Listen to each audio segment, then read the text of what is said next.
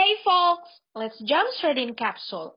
Cimsar KWNSH talks about health and life. Sampurasun sadayana, tepang sareng kapsul. Obrolan Cimsar KUNSH ngenaan kesehatan jeng kehidupan. Selain itu, Capsule akan membahas mengenai dunia kedokteran. Semoga para pendengar Capsule selalu berkesehatan saat mendengarkan semua.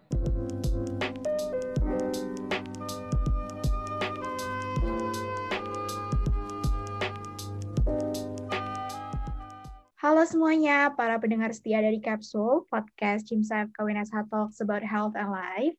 Kali ini uh, merupakan episode dengan alumni dan senior, uh, yang di mana teman-teman semua mungkin tidak asing lagi nih dengar suaranya. Ya benar banget. Halo semuanya, aku ada acara di bawah sebagai Vice Local Coordinator for External Affairs Cimsaf KWNSH 2020-2021. Tentunya di episode kali ini aku nggak sendirian, melainkan bersama partner kesayangan aku nih. Halo Mega. Halo Nada. Apa kabar nih Nad? Baik Mega. Mega gimana kabarnya? Alhamdulillah baik. Oh iya, aku belum perkenalan diri ya. Oke, aku sekarang perkenalan diri dulu deh. Uh, halo pendengar setia Kapsul, kenalin aku Mega Yulia sebagai alumni dan senior koordinator CIMSEF Kawin SH 2020-2021. Nah di sini aku bakal nemenin Nada nih buat podcast malam ini.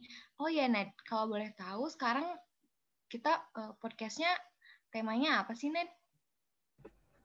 Oke, nah karena kapsul ini singkatannya itu CIMSAF KWNSL Talks about health and life. Ada kata-kata health, ada kata-kata life. Jadi sebelum-sebelumnya kita udah ngebahas nih tentang isu-isu kesehatan. Kalau sekarang kita mau ngebahas tentang life-nya nih. Jadi karena kita mahasiswa kedokteran juga, yang di mana jadwalnya padat, terus kayak ya long life learner gitu ya untuk menjadi dokter kadang tuh masih ada kan pertanyaan-pertanyaan yang aduh bisa survive nggak sih uh, sebagai medical students terus kayak kadang kita bisa ngebandingin diri sama teman-teman SMA teman-teman SMP yang mungkin sudah melakukan banyak hal gitu yang di mana jadi insecure jadi suka membanding-bandingkan diri yang menurut aku itu kita nggak self love nih gitu sih Mac. Jadi ini topiknya tuh relate banget Iya sih Nat, aku setuju banget. Wah keren banget sih ya pasti uh, podcast kita kali ini. Oh iya Nat, uh, kalau boleh tahu bintang tamu kita siapa sih Nat? Oke, karena sebelumnya sudah bersama alumni yaitu Dokter Bonita, sekarang kita sama senior yang sebentar lagi akan menjadi alumni juga yaitu Dokter Jawaka Brako Muzaki. Mungkin biar lebih cepat nih teman-teman yang udah kepo dengerin podcastnya, langsung aja kali ya. Halo Kak Jawaka. Halo Kak Jewa, Kak. Halo Nada, halo Mega. Halo Kak. Oh iya Kak, aku ya, halo. mau nanya nih, gimana nih Kak kabarnya Kak? Alhamdulillah baik. Alhamdulillah. Oh iya nih Kak, boleh diceritain mungkin para pendengar kapsul nih kepo nih. Kakak itu akhir-akhir ini lagi sibuk apa sih Kak? Oh, oke. Okay. Kalau aku sendiri akhir-akhir ini lagi uh, awal-awal intensif, jadi uh, baru mulai ke Februari, uh, baru mulai ke Februari, jadi masih uh, masa-masa adaptasi di intensif, mulai-mulai jaga di rumah sakit. Kebetulan aku dapat uh, intensif uh, rumah sakit di Cirebon. Gitu sih, paling aku sih masih sibuk intensif sih. Wah, keren banget nih udah jadi dokter gitu. Kita masih lama ya, Mega masih semester 6. Ya, masih lama nih, Nat, perjalanannya. Masih harus nikmatin hidup dulu aja lah sebelum memasuki dunia yang sebenarnya. Oke, berarti udah ada pesan nih teman-teman dari KJWK untuk nikmatin hidup dulu untuk kita-kita nih yang belum sesibuk nanti gitu. Kak, boleh dong Kak sambil nostalgia uh, dulu Kakak di Cimsa tuh uh, gimana sih Kak perjalanannya kayak penjabat seperti apa atau bisa diceritain sedikit nggak kak? Oke, aku dulu di Cimsa uh, awalnya masih di uh, lokal kayak uh, bantu-bantu tim di Skorlab, terus jadi vice lorlab, terus uh, melangkah ke nasional, uh, uh, jadi FNMC and Korlab, habis itu melangkah ke Cimsa Nasional, jadi menjadi direktur Cimsa, habis itu masih diberi kesempatan lagi menjadi supervising council CIMSA. Abis itu udah selesai pensiun. Wah, keren banget nih Kak Jawaka. Benar-benar aktif dulu dari mulai lokal terus ke nasional sampai jadi SC-nya. Untuk teman-teman mungkin ini bisa banget jadi inspirasi kita semua nih dari uh, teman-teman pendengar yang dari Cimsa FKWNSH bisa juga nih kita ngikutin Kak Jawaka untuk menjadi Cimsa National Officials gitu. Betul banget tuh Nad. Oke, Kak, langsung aja nih Kak masuk ke materinya. Tadi kan udah disinggung-singgung tentang self love nih Kak. Iya. Nah, menurut Kakak self love itu apa sih Kak? Oke, self love. Pertama kita mengenal secara harfiah dulu ya, secara bahasa Indonesia-nya. Self artinya diri sendiri, love artinya mencintai. Yaitu berarti mencintai diri sendiri, menyayangi diri sendiri. Tapi ingat, mencintai diri sendiri itu nggak sebatas kita cinta fisik kita, tapi kita cinta kepada apa yang ada dalam fisik kita. Jadi nggak cuma kayak bentuk self love itu kayak kita seling dandan, kita pakai baju terbaik, kita seling ini nggak cuma itu. Justru hal penting dalam self love itu, hal penting dalam mencintai diri sendiri itu sebenarnya adalah pertama kita harus bisa menyadari diri sendiri, menyadari apa yang menjadi potensi di diri kita sendiri. Lalu kita juga menghargai diri kita sendiri, percaya kepada diri sendiri, dan juga peduli pada diri sendiri. Jadi gitu. Kalau menurut aku, ya itu self love. Jadi self love nggak melulu fisik, tapi apa selain mencintai fisik luar, kita juga mencintai apa yang ada di dalam fisik kita. Dengan cara apa? Dengan cara menyadari potensi, menghargai diri sendiri, percaya kepada diri sendiri, dan peduli. Gitu kalau menurut aku. Betul banget nih Kak. Oh iya Kak, kalau misalkan menurut Kak Jawaka sendiri, penting penting banget nggak sih self love itu? Penting, apalagi di masa-masa sekarang ya. Di masa-masa sekarang kan banyak banget orang dikit-dikit insecure. Orang dikit-dikit nggak percaya diri. Orang dikit-dikit kayak, ah gue apa sih? Kayak gitu kan. Penting banget. Karena kenapa? Karena dengan kita bisa menerapkan uh, self love kita bisa menerapkan, kita bisa mampu mencintai diri kita sendiri, itu kita bisa lebih mengontrol diri sendiri. Yaitu, jadi kita bisa tahu batasan kemampuan kita sampai mana. Kita bisa, jadi kita ibarat gini, kita tadi kan kalau kataku di awal self love itu menyadari potensi diri sendiri. Jadi ketika kita udah tahu, wah potensi gue di sini nih, berarti kita lebih bisa mengontrol diri sendiri biar nggak melampaui potensi itu. Karena kenapa? Karena kalau kita nggak nyadar potensi kita, selalu kita bertindak berlebihan, itu kan kita bisa jadi capek fisik, capek kayak capek batin, capek fisik gitu kan. Jadi kita jadi bisa lebih mengontrol diri sendiri. Terus selain itu, dengan kita bisa menerapkan self love, menurutku self love itu penting karena dengan kita bisa mencintai diri kita sendiri, maka kita akan mampu, akan kita akan lebih mampu mengatasi masalah yang diri kita sendiri. Intinya gini kalau kata aku ya.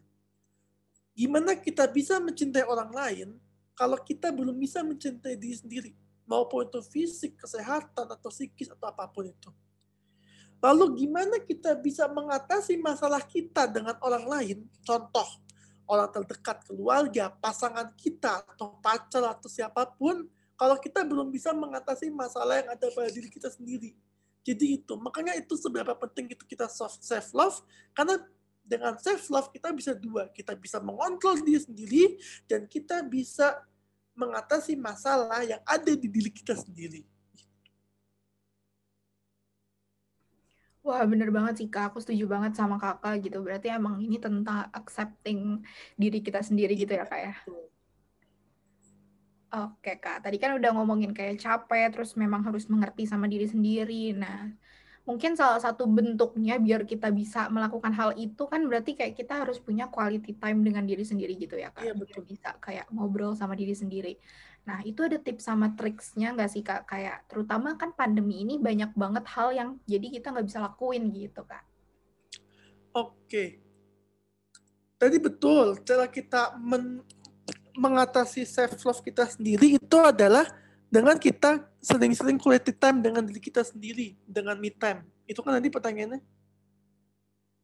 Benar kak. Benar banget. Nah sedangkan kan ini pandemi ya. Kalau kalau dulu itu kan me time gampang ya. Apa kayak keluar. Kalau kan kita terbatas. Tapi yang paling penting kalau kita untuk self love itu kita sering-sering me time yaitu dengan cara apa? Dengan do your hobbies dengan melakukan hobi kita. Hobi kita apa sih? Nah ini kita bagi ke pengertian self love tadi. Kita kenali dulu diri sendiri. Kita sadar dulu potensi diri kita apa sih? Misalkan gini. Hobi gue nyanyi atau misalkan hobi gue nyanyi nih misalkan. Nah, berarti mid time kita ngapain? Kita lampiaskan dengan bernyanyi, dengan karaoke lah, dengan mungkin dengan ngafain lagu, dengan apa itu mid time kita. Atau misalkan, wah, kita udah bisa mengenal diri sendiri. Hobi gue nonton nih. Tapi kan lagi pandemi. Bioskop terbatas. Itu kan. Nah, sekarang ada banyak. Misalkan bisa nonton YouTube ada film-film streaming di Netflix atau Disney Plus atau yang streaming film online lainnya. Kayak gitu. Jadi bisa banyak yang me time lain. Jadi ya dengan dengan kita uh, untuk mengatasi menimbulkan rasa self love kita sendiri, yaitu kita mengat, uh, cara menimbulkan self kita kita sendiri adalah kita kenali diri kita sendiri. Ketika kita udah kenal, kita me time dengan diri kita sendiri yaitu dengan lakukan hobi kamu gitu. Jadi misalkan kayak hobi kamu apa? Olahraga kah? Membaca kah? Kadang kan ada orang hobi membaca dengan baca komik itu udah meningkatkan meningkatkan moodnya. Jadi ketika moodnya meningkat kita lebih percaya diri kan gitu. Gitu sih kalau menurut aku. Oke benar banget sih kak. Aku setuju banget sih sama kakak kayak aku sebelumnya kayak nggak suka masak sekarang jadi coba-coba gitu nah, kayak punya hobi masak. Apalagi kan ini kan pandemi ya kan kalau kamu banyak di YouTube kan kayak banyak selebgram yang tiba-tiba videonya beralih jadi chef jadi cooking. Padahal dia bukan bego masak tapi dia hobi masak. Kan kayak dengan itu dia bisa me time dengan diri dia, dia sendiri. Dan bisa kan pandemi ini stress ya kayak orang di buat uh, bingung di rumah kalau orang udah sendiri di rumah udah kayak, aduh, resiko untuk overthinking meningkat kan. Nah, ngatasinnya itu dengan cara melakukan apa yang jadi daya tarik kita, melakukan hobi kita kayak gitu. Oke kak, kalau misalkan dan itu bisa meningkatkan kreatif kita sendiri kan. Jadi, uh, aduh gue bingung nih masak. Misalkan kita hobi masak nih, terus kita yeah. mau buat video gitu kan. Jadi kreatif kita sih eh besok masak apa ya? Jadi ide kreatif kita meningkat. Itu itu positifnya. Iya kak. Benar banget. Aku setuju banget sih kak. Kalau kak Jawaka sendiri hobinya apa tuh kak? Hobinya sebenarnya banyak ya. Uh, baca iya nyanyi iya traveling iya ya. Nonton film iya saya banyak juga ya. Jadi banyak yang aku bisa lakukan kalau lagi bosen lagi uh, sendiri lagi pandemi kayak gini banyak juga sih misal nonton film kadang kalau kan terbatas lagi pandemi kadang misalkan lagi karaoke sendiri aja gitu ya pokoknya yang bisa memuaskan diri kita sendiri Oke, mungkin Kak boleh dong Kak kita kayak denger gitu Kak nyanyi sedikit aja untuk Aduh. para pendengar. Bentar ya. Nggak usah pakai musik ya. Belum ada Nggak usah Kak, nggak usah Kak.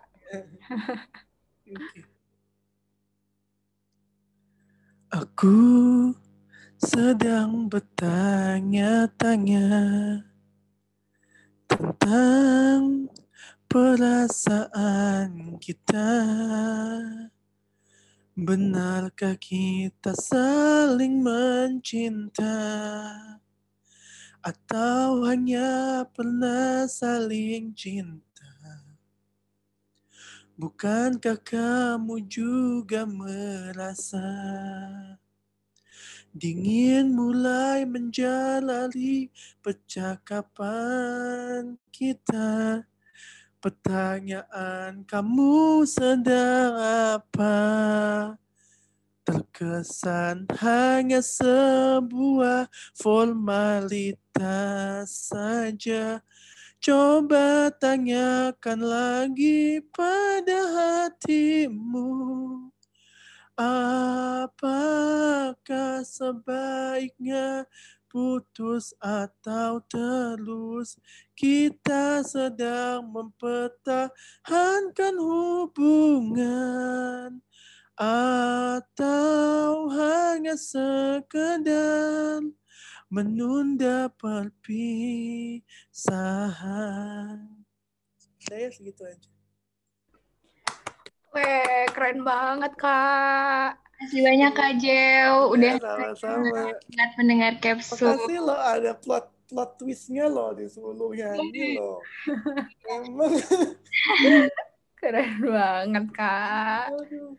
Oh iya, nyambung sama hobi Kak Jewaka barusan nyanyi. Nah, kalau misalkan aku tuh pandemi ini tuh karena mungkin generasi milenial ya, jadi kayak nggak Iya, lepas dari Twitter, Instagram. Mungkin sekarang yang lagi hits banget, yang lagi naik daun TikTok gitu. Nah, Iya. menurut aku dengan adanya platform ini jadi lumayan toksik ya. Jadi kayak aku tuh sering banget ngebandingin diri aku sama orang lain. Nah, kalau misalkan udah ada di fase kayak gitu tuh harus yang harus aku lakuin itu gimana sih, Kak? insecure ya, insecure dan suka kayak ngebanding-bandingin orang lain sama diri kita sendiri karena sosmed gitu ya. Kak. Betul. Oke, ya sebenarnya kan sosmed ini kan udah kayak makanan sehari-hari ya generasi milenial dan gen- generasi Z sekarang ya. Kayak kayaknya orang kalau nggak ada punya Instagram, Twitter, Line, WhatsApp, bahkan yang lain uh, WhatsApp aja kayak TikTok itu kayak aduh lu nggak modern banget sih lu kayak ya, pasti kan jadi sosmed tuh kayak tantangan tersendiri bagi generasi milenial dan generasi Z kan.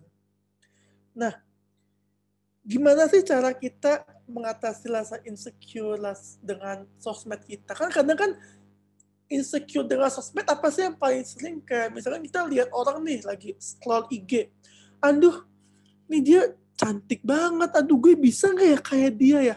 Aduh nih orang ganteng banget kok, keren banget ya foto ya, gue bisa nggak sih kayak dia?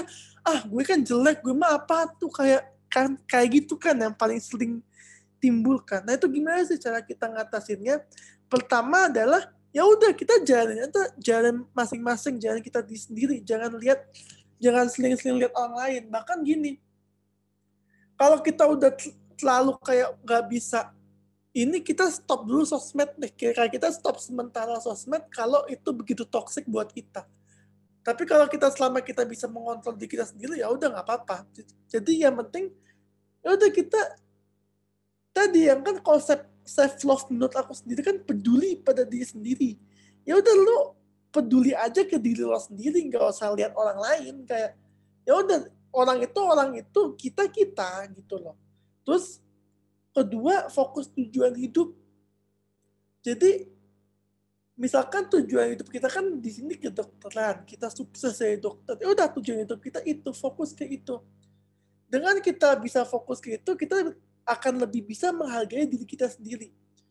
Dan ini yang paling menurut aku kuncinya sih, kunci biar kita nggak gampang insecure adalah jadi itu motivasi. Contohnya gini, tadi aku bilang, eh ini cantik banget dia model, bening banget. Gue mah apa tuh? muka kayak gini, muka pas-pasan itu jadikan selebgram itu motivasi kita. Kita jadi lebih bisa ngerawat diri. Kita bisa lebih tampil lebih cantik, tampil lebih pede. gitu. Jadi itu motivasi. Misalkan gini, kok dia pinter banget ya? Dia kok pinter banget ya ngomong di sosial media?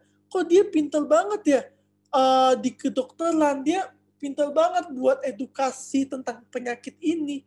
Gue bisa nggak ya kayak gini? Muncul kayak timbul insecure, overthinking kayak gitu. Jadi itu motivasi. Gue bisa kok kayak dia. Kayak gitu. Terus terakhir yang menurut aku nih agak iya juga ya. Yaitu nggak semua yang di sosmed itu kenyataan. Misalkan gini. Mungkin orang di foto itu ceria, kayak dia pose, dia model, dia endorse, dia apa. Mungkin dia bahagia, tapi kita nggak tahu di balik kebahagiaan itu pasti ada eh, masalah, ada apa, tapi dia nggak tampakin di sosial media aja. Jadi kita percaya itu aja, kalau di balik kesempurnaan seseorang pasti ada kekurangan. Gitu. Sama kayak mungkin kita kurang dari dia, tapi pasti kita ada hal lain yang lebih menonjol daripada dia. Percaya itu aja. Sebenarnya itu sih yang paling penting. Cara mengatasi insecure ke, ke sosmed adalah yaudah kita jalanin masing-masing hidup kita, jangan kebaikan dengan orang lain. Kedua, fokus tujuan hidup kita. Ketiga yang paling penting, jadikan hal itu, jadikan sosmed itu orang yang di sosmed itu motivasi buat hidup kita. Lalu terakhir, nggak semua sosmed itu adalah kenyataan.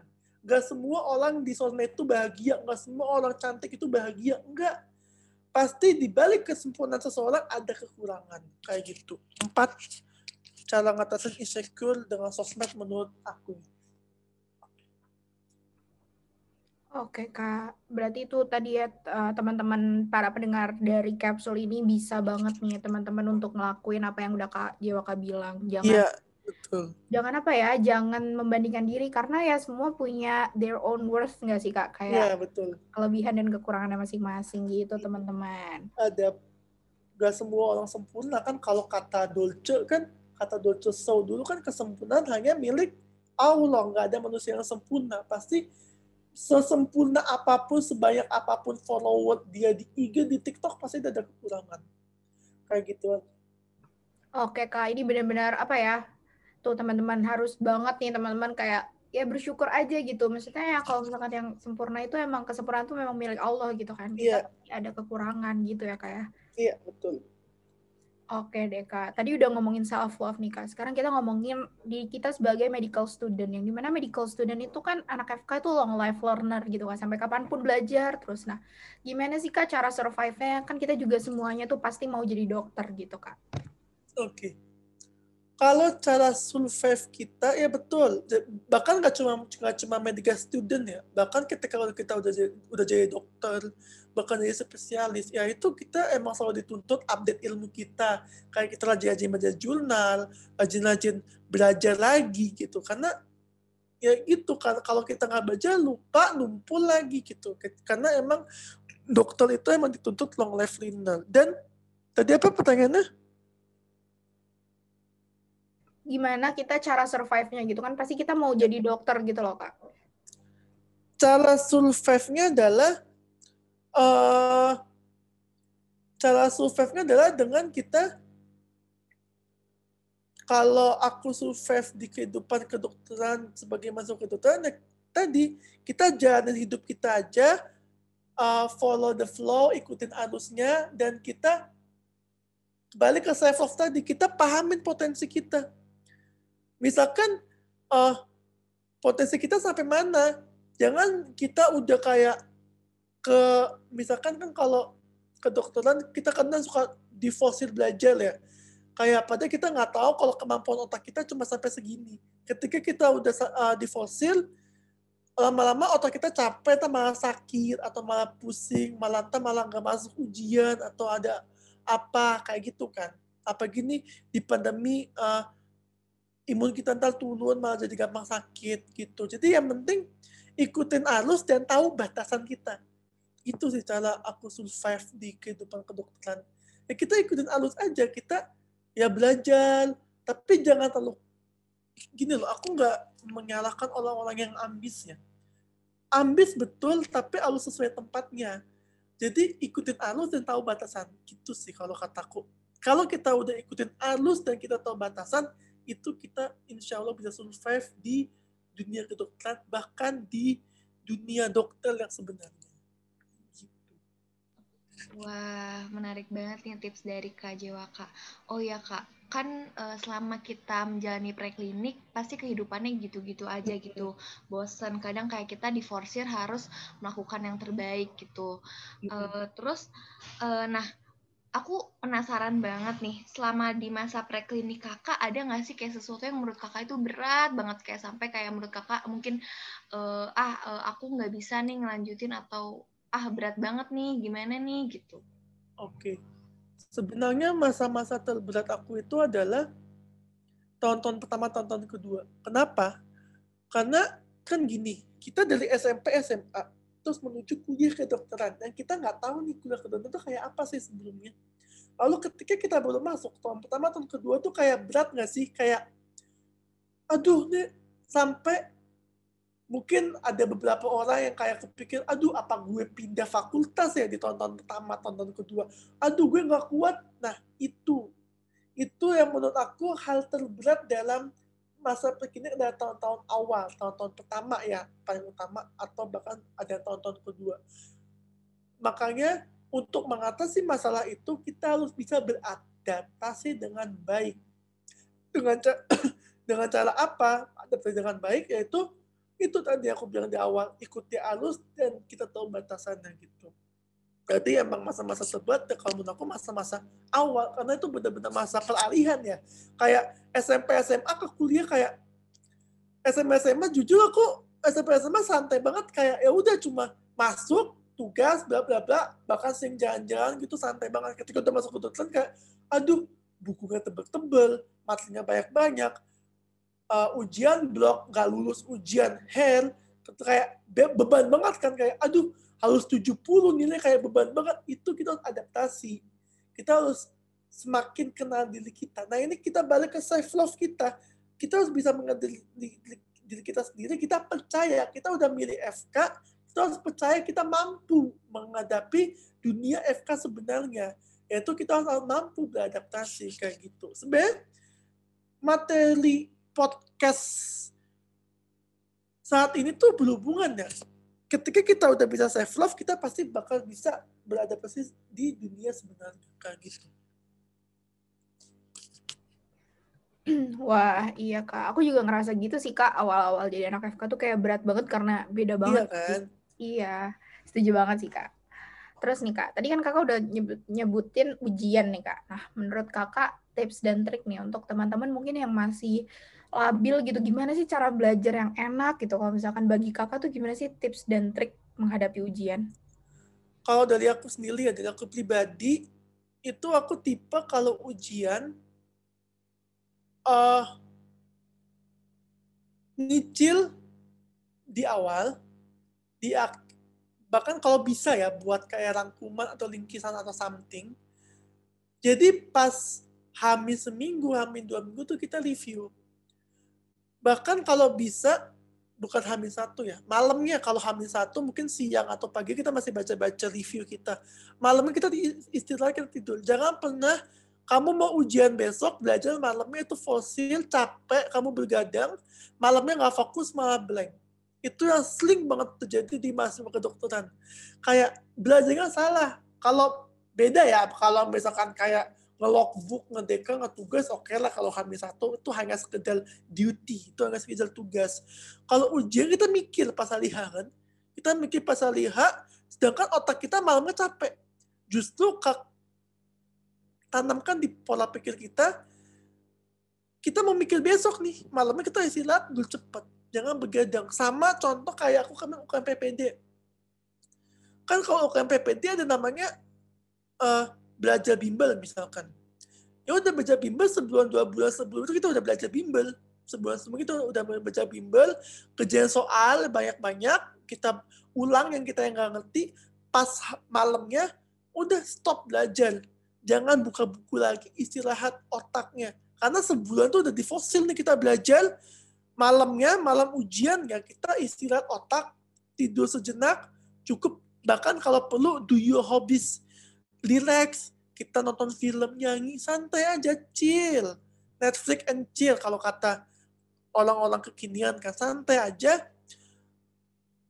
Karena kalau bisa tidur cepat jangan begadang, malamnya eh terus besoknya ujiannya fresh. Doa, sholat, kalau bisa tahajud, itu lumayan menggegarkan pikiran, ujian besok segar. Ini berlaku buat semua ujian gitu.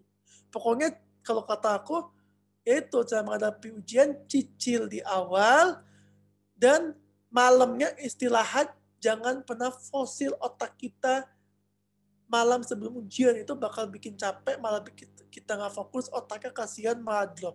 Kita malah ngeblank. Oke Kak, makasih banget nih tips and tips and tricksnya. Wah ini benar-benar sih menurutku emang nyicil itu penting banget ya. ya.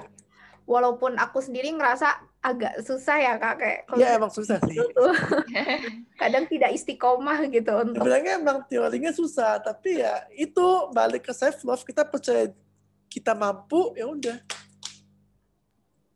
Gitu. Iya bener banget. Wah makasih banget nih tipsnya. Insya Allah ke depannya bakal diterapin nih sama kita kita semua nih. Siap. Betul banget. Ini pasti Nadia tim SKS gitu ya Nadia?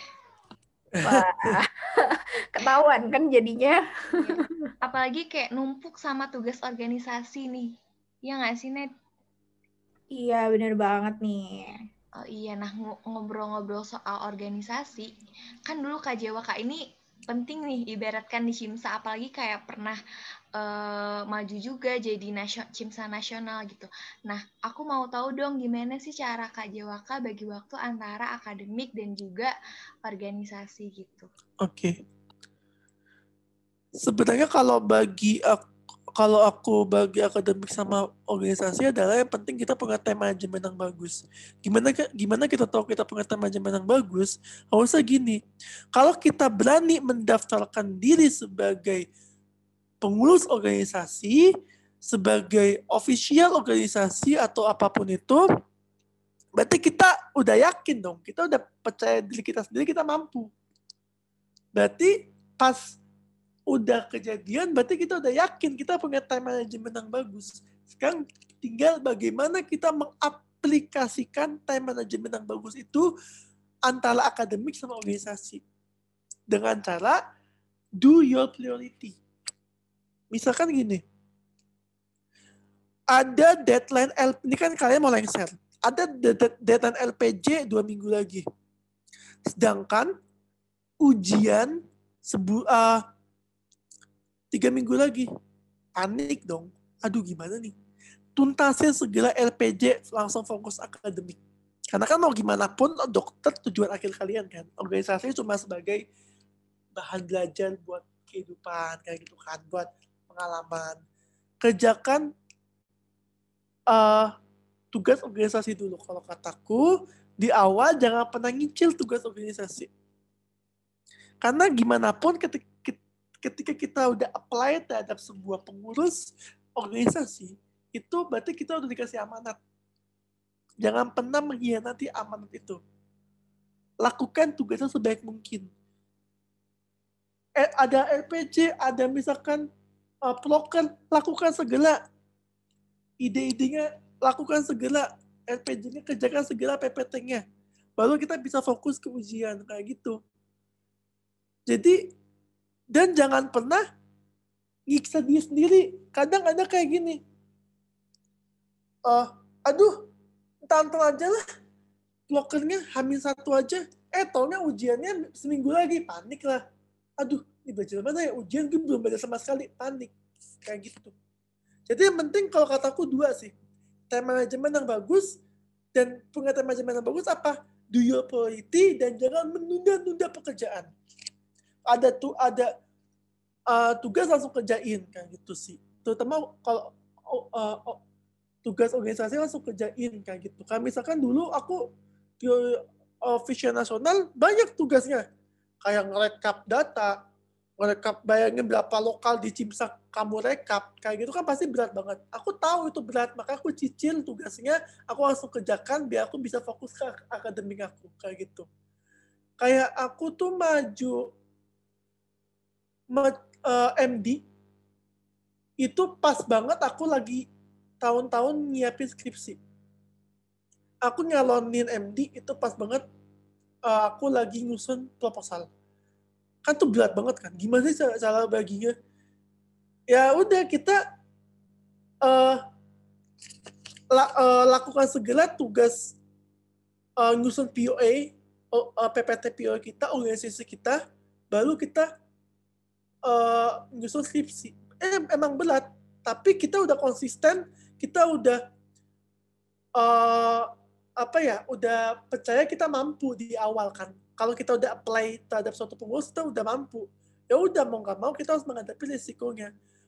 Tapi capek, tapi capek kok kayak gini, banyak tugas organisasi banyak ini. Ya udah, cara mengalami capeknya itu do your hobbies kita me time. Jadi me time itu selain bisa untuk menimbulkan self love, bisa menimbulkan relax di diri kita sendiri. Kayak kita misalkan capek nih, aduh capek nih buat POA, ah santai dulu, tapi jangan kelama-lamaan me time-nya. Misalkan uh, hari ini sibuk nih ngurusin POA, besoknya kamu santai dulu, lihat film, lihat di streaming film kayak gitu. Besoknya nyicil lagi POA udah selesai, fokus ke proposal kayak gitu, fokus ke akademik kayak gitu sih. Maaf ya kalau BTW tele. Wah, nggak apa-apa kak, keren banget sih maksudnya apa ya? Yang kakak uh, jelasin tuh benar-benar kejadian juga sih di aku. Aku juga gitu kak hmm. tipenya kayak yang penting kelarin dulu urusan organisasinya biar kayak plong uh. belajar gitu sih kak. Nah, Kak, kan Kakak sekarang sudah menjadi dokter gitu, Kak apakah ada rencana kah untuk melanjutkan studi atau exchange atau melakukan hal yang belum kakak uh, capai gitu kak? Sebenarnya ada sih satu impian aku yang batal gara-gara due to pandemi. Sebenarnya aku tuh dari awal tuh pengen exchange ke Prancis. Bahkan udah daftar, rencana mau berangkat tahun lalu, mundur Agustus, September, Oktober. Tapi karena apa daya karena pandemi, jadi uh, batal akhirnya refund. Jadi batal exchange. Jadi tapi ya udah awalnya sedih kayak batal exchange. Tapi ya itu aku jadikan pelajaran. Mungkin ada hikmah di balik itu. Aku jadi bisa fokus bahkan aku uh, karena batal exchange aku jadi apply magang di LSCM gitu. Jadi bisa aku bisa ambil sisi positif dari hal yang batal. Jadi aku bisa ambil sisi positif lainnya. Terus uh, rencana selanjutnya sebenarnya ya aku mau fokus ke intensif aja. Mau fokus ke intensif dulu. Kalau masalah melanjutkan studi sebenarnya aku ada tertarik ke uh, spesialis di dalam. Insya Allah doain aja yang terbaik. Apa pun uh, ke depannya aku percaya itu pasti yang terbaik buat aku. Uh, tapi untuk sekarang mungkin aku ya udah fokus ke intensif dan mungkin setelah itu mungkin uh, jadi dokter. Dan mungkin kalau Allah mengizinkan jadi spesialis di dalam mengajar Amin, amin ya Allah. Amin. Wah, keren banget nih Kak kayak uh, apa resolusinya gitu. Keren banget sih Kak inspiratif banget kak kalau harapan itu kan setinggi tingginya ya tapi balik ke kita mampu nggak sih untuk menggapai harapan itu Nah, iya, bener banget sih Kak, setuju banget. Nah, teman-teman pendengar Capsule juga tadi boleh banget nih di take note dari omongan Kak Jewaka kalau misalkan apa yang kita rencanakan, terus kayak Kak Jewaka tadi sudah merencanakan exchange, bahkan sudah uh, melalui proses-prosesnya yang uh, yang cukup banyak gitu kan, tapi karena pandemi ini jadi nggak bisa untuk exchange, jadi percaya aja karena semuanya itu eh, kayak anything happen for a reason gitu kayak pasti iya. Allah iya. bakal nyiapin hal yang lebih baik lagi gitu ya kak ya oh iya betul oke deh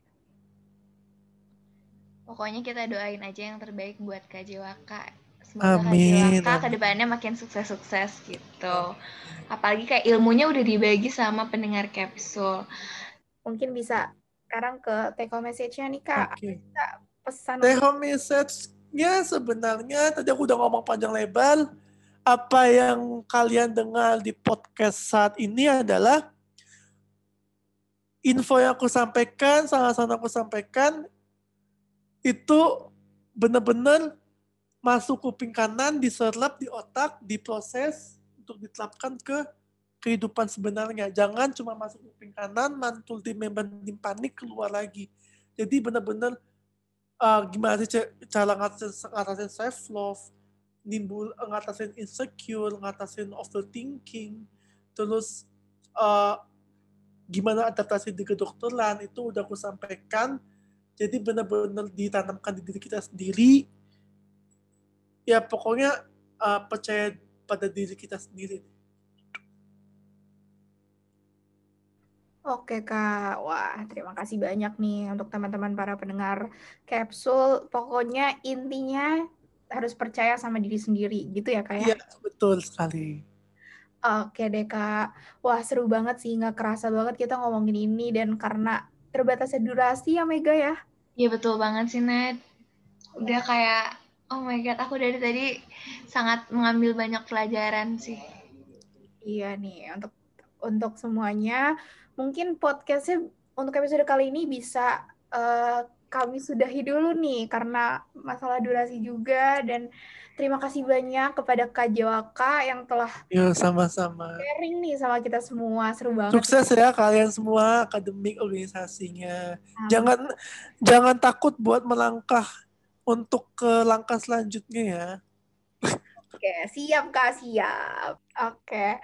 Oke, teman-teman. Mungkin terima kasih untuk episode kali ini yang seru banget harus berakhir sampai sini. Sampai ketemu lagi di episode berikutnya. Dadah semuanya.